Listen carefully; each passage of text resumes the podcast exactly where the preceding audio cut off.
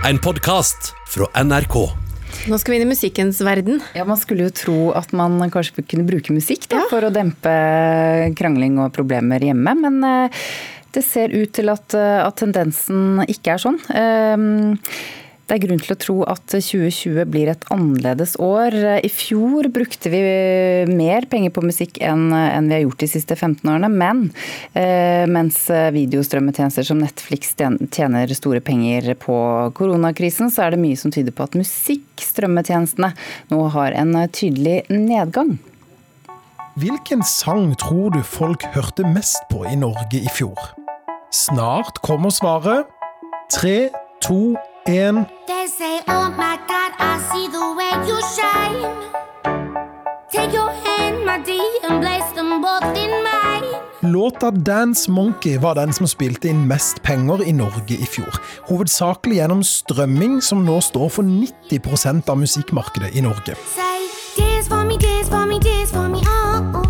Det forteller bransjeorganisasjonen IFPI sin nye rapport, som også forteller oss at nordmenn brukte over 812 millioner kroner på innspilt musikk i fjor. En oppgang på rundt 10% fra året før. Ikke siden 2004, da all salg av musikk var CD-er og andre fysiske formater, og for øvrig dette var den mest populære sangen.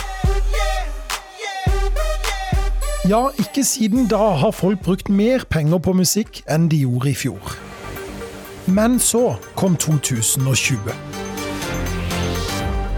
I denne perioden som vi har foran oss, vil alle få en annerledes hverdag. For da Erna Solberg den 12. mars i år ba folk i Norge være mest mulig hjemme, så påvirka det også alle vanene våre. På verdensbasis har videostrømmetjenester som Netflix og Disney Pluss hatt en enorm vekst, fordi flere sitter hjemme og ser på TV-serier og filmer.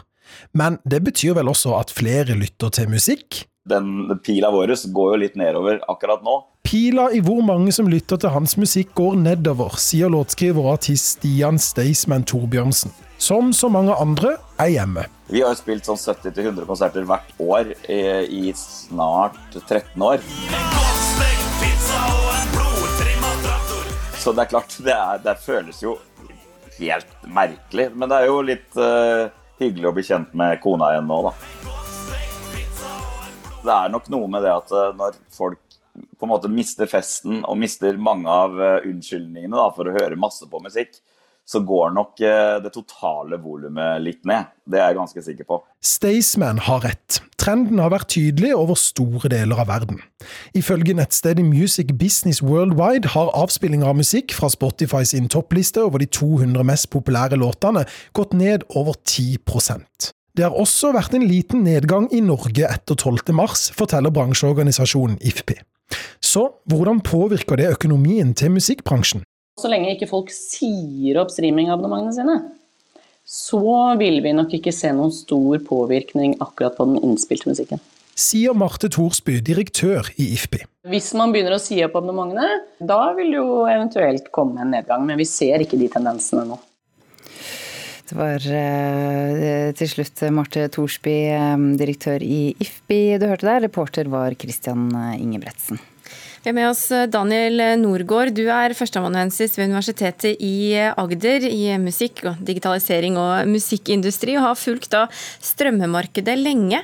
Hvorfor strømmer vi mindre musikk nå om dagen? Hei sann, god morgen. Jeg, eh, jeg, jeg, tror nok det er litt eh, det som blir forklart fra, fra Staysman. At, eh, at, det er en del av de aktivitetene som vanligvis knyttes til det å lytte på musikk, som, som endra seg. Sånn at uh, man, man, trener mindre, man uh, sykler mindre til jobb, man uh, pugger mindre i lesesalen osv. At, uh, at en del av de aktivitetene har, har gått ned. Og så er det nok også det at uh, den si noe, hjemmesituasjonen, uh, det å isolere seg med et headset eller å høre lytte på musikk, kanskje ikke er den mest sosiale tingen fremfor å se en film sammen eller, eller se på TV sammen. Mm. Og så er det, en, det er faktisk en, en, annen litt interessant sak, som er jo at når konsertmarkedet har flytta over til sosiale medier, som, som vi har sett, uh, så kan det jo hende at det faktisk konkurrerer med det innspilte mediet fordi at det nå har flytta seg over til laptopen eller telefonen. Altså De direkte opptredenene konkurrerer litt eh, med, med Spotify f.eks.? Det kan man tenke. At, eh, at, fordi at det er på samme flaten, kan du si, på samme formatet som man lytter til innspilt musikk. Men er du overrasket over denne tendensen? Nei, jeg er ikke overraska over det. Og, og, man så jo uh, Det ble ganske, ganske tidlig i, i forskjellige, forskjellige, medier i, i, innenfor musikk da, så ble det meldt om akkurat dette. At, at, det en altså Man så ikke noen effekt, si, noen positiv effekt, positiv utvikling innenfor innspilt musikk. Så jeg syns egentlig ikke det er så, så veldig overraskende. Nå sier IFPI-sjefen at dette ikke får konsekvenser for bransjen før folk eventuelt begynner å si opp eh, abonnementene sine. Eh, mange får jo eh, trolig da strammere økonomi framover. Er da strømmeabonnentene, altså musikk, noe det folk vil velge å slutte å betale for, tror du? Det tviler jeg veldig sterkt på. Eh, for det første så utgjør uh, musikkabonnementene på strømtjenester en ganske liten del av, forbruket til, vanlige folk. Det andre eh, som man må tenke på, det er at i, i tider tidligere historisk sett, når man har sett store kriser eller stram økonomi, så ser man jo at nettopp kulturtilbud er noe man har tydd til fordi at det er en hverdagsluksus som de fleste har råd til. Sånn at man ser en økning faktisk i, i forbruket der. Mm. Men hvis vi ikke da avslutter abonnementene våre, um, og tjenestene fortsatt vil ha den samme inntekten, vil fordelinga til artistene endre seg når eh, musikkvanene våre også endrer seg litt? Jeg synes jo det, det, er en veldig interessant uh, sak, men det blir en litt mer sånn teoretisk ak akademisk sak. For jeg tror ikke pengestrømmen sånn sett til de mindre artistene og, og litt færre sjangerne endrer seg merkbart, kan du si. Men jeg tror det vil bli en forflytning. Fordi at Eh, når forbruket går ned og folk betaler det samme inn hver måned, så blir hver strømming verdt litt mer.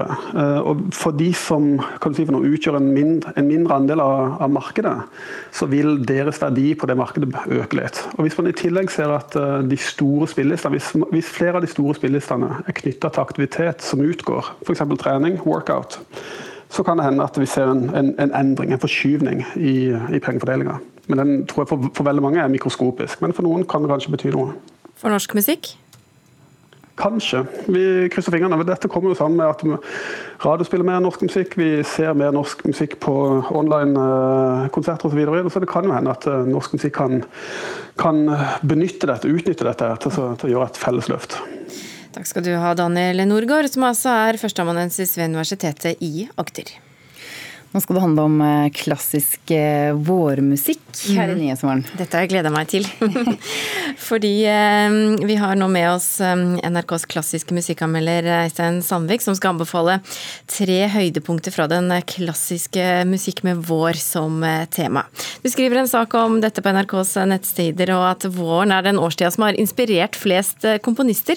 Hva er grunnen til det? Ja, det er litt en hypotese, da, men jeg tror nok kanskje det stemmer. Um, interessant spørsmål. Altså, jeg tror at uh, våren har en slags distinkt stemning som er litt lettere å uttrykke musikalsk enn tilsvarende de andre årstidene. Års, uh, og våren er jo en veldig fin årstid. Mange syns det er den fine uh, årstiden. Det, selv syns jeg det, f.eks. Og så er det noen naturfenomener som f.eks. av fuglesang som er lett å imitere i musikken. Eh, det finner vi veldig mye vårmusikk. altså Typisk da Vivaldis eh, 'Våren'. ikke sant? Og så er det dette med våren som skaper kraft. altså Det at ting blir til på ny. Eh, og at naturen om våren på en måte fremstår som det ultimate kunstverk som det er veldig fristende for komponister å så å si kappes med. Vi skal gå løs på dine tre anbefalinger. Vi begynner med en norsk en.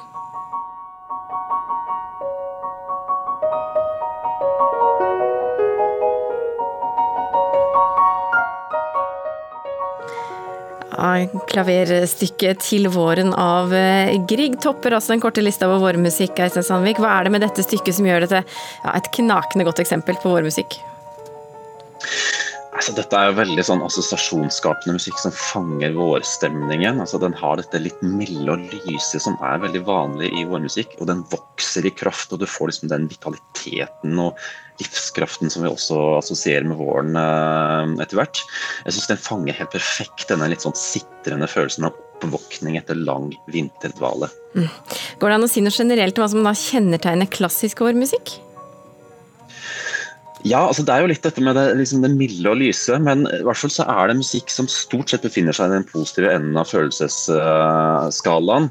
Men vi ser også at komponister bruker våren som kontrast til følelser av sorg og tap, som kanskje blir enda mer intense om våren. Altså vi føler Uh, F.eks. Uh, kjærlighetssorg, kanskje sterkere liksom når våren blomstrer og ting eksploderer rundt oss. Det har Schubert f.eks. Tematisert. Og så er det enkelte komponister som har tematisert den mer blodige, brutale siden ved våren, der hvor liv må ofres for at nytt liv skal oppstå.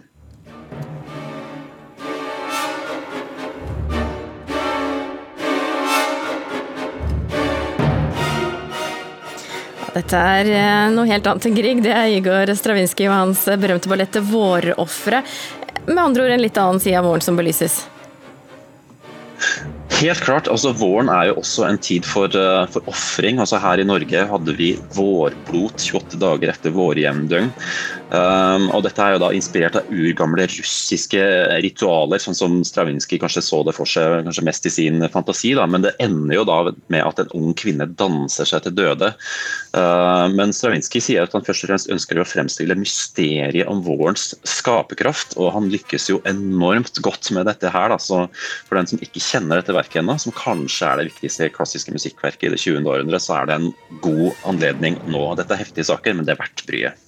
Og så har du med et eksempel eh, til. Eh, den eneste kvinnelige komponisten på lista, Fanny Hensel. Hvem eh, er hun?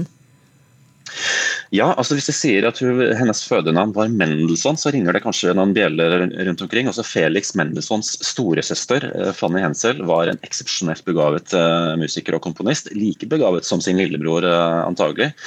Eh, men kunne ikke utfolde sitt kunstnervirke i samme grad i henhold til datidens eh, normer for overklassekvinner.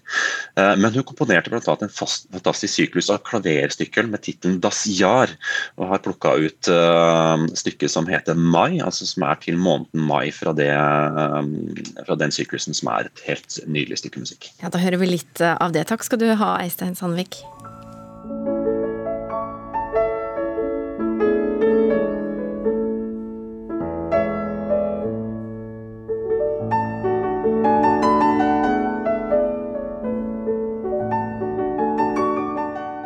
Du har hørt en podkast fra NRK. Hør flere podkaster og din favorittkanal i appen NRK Radio.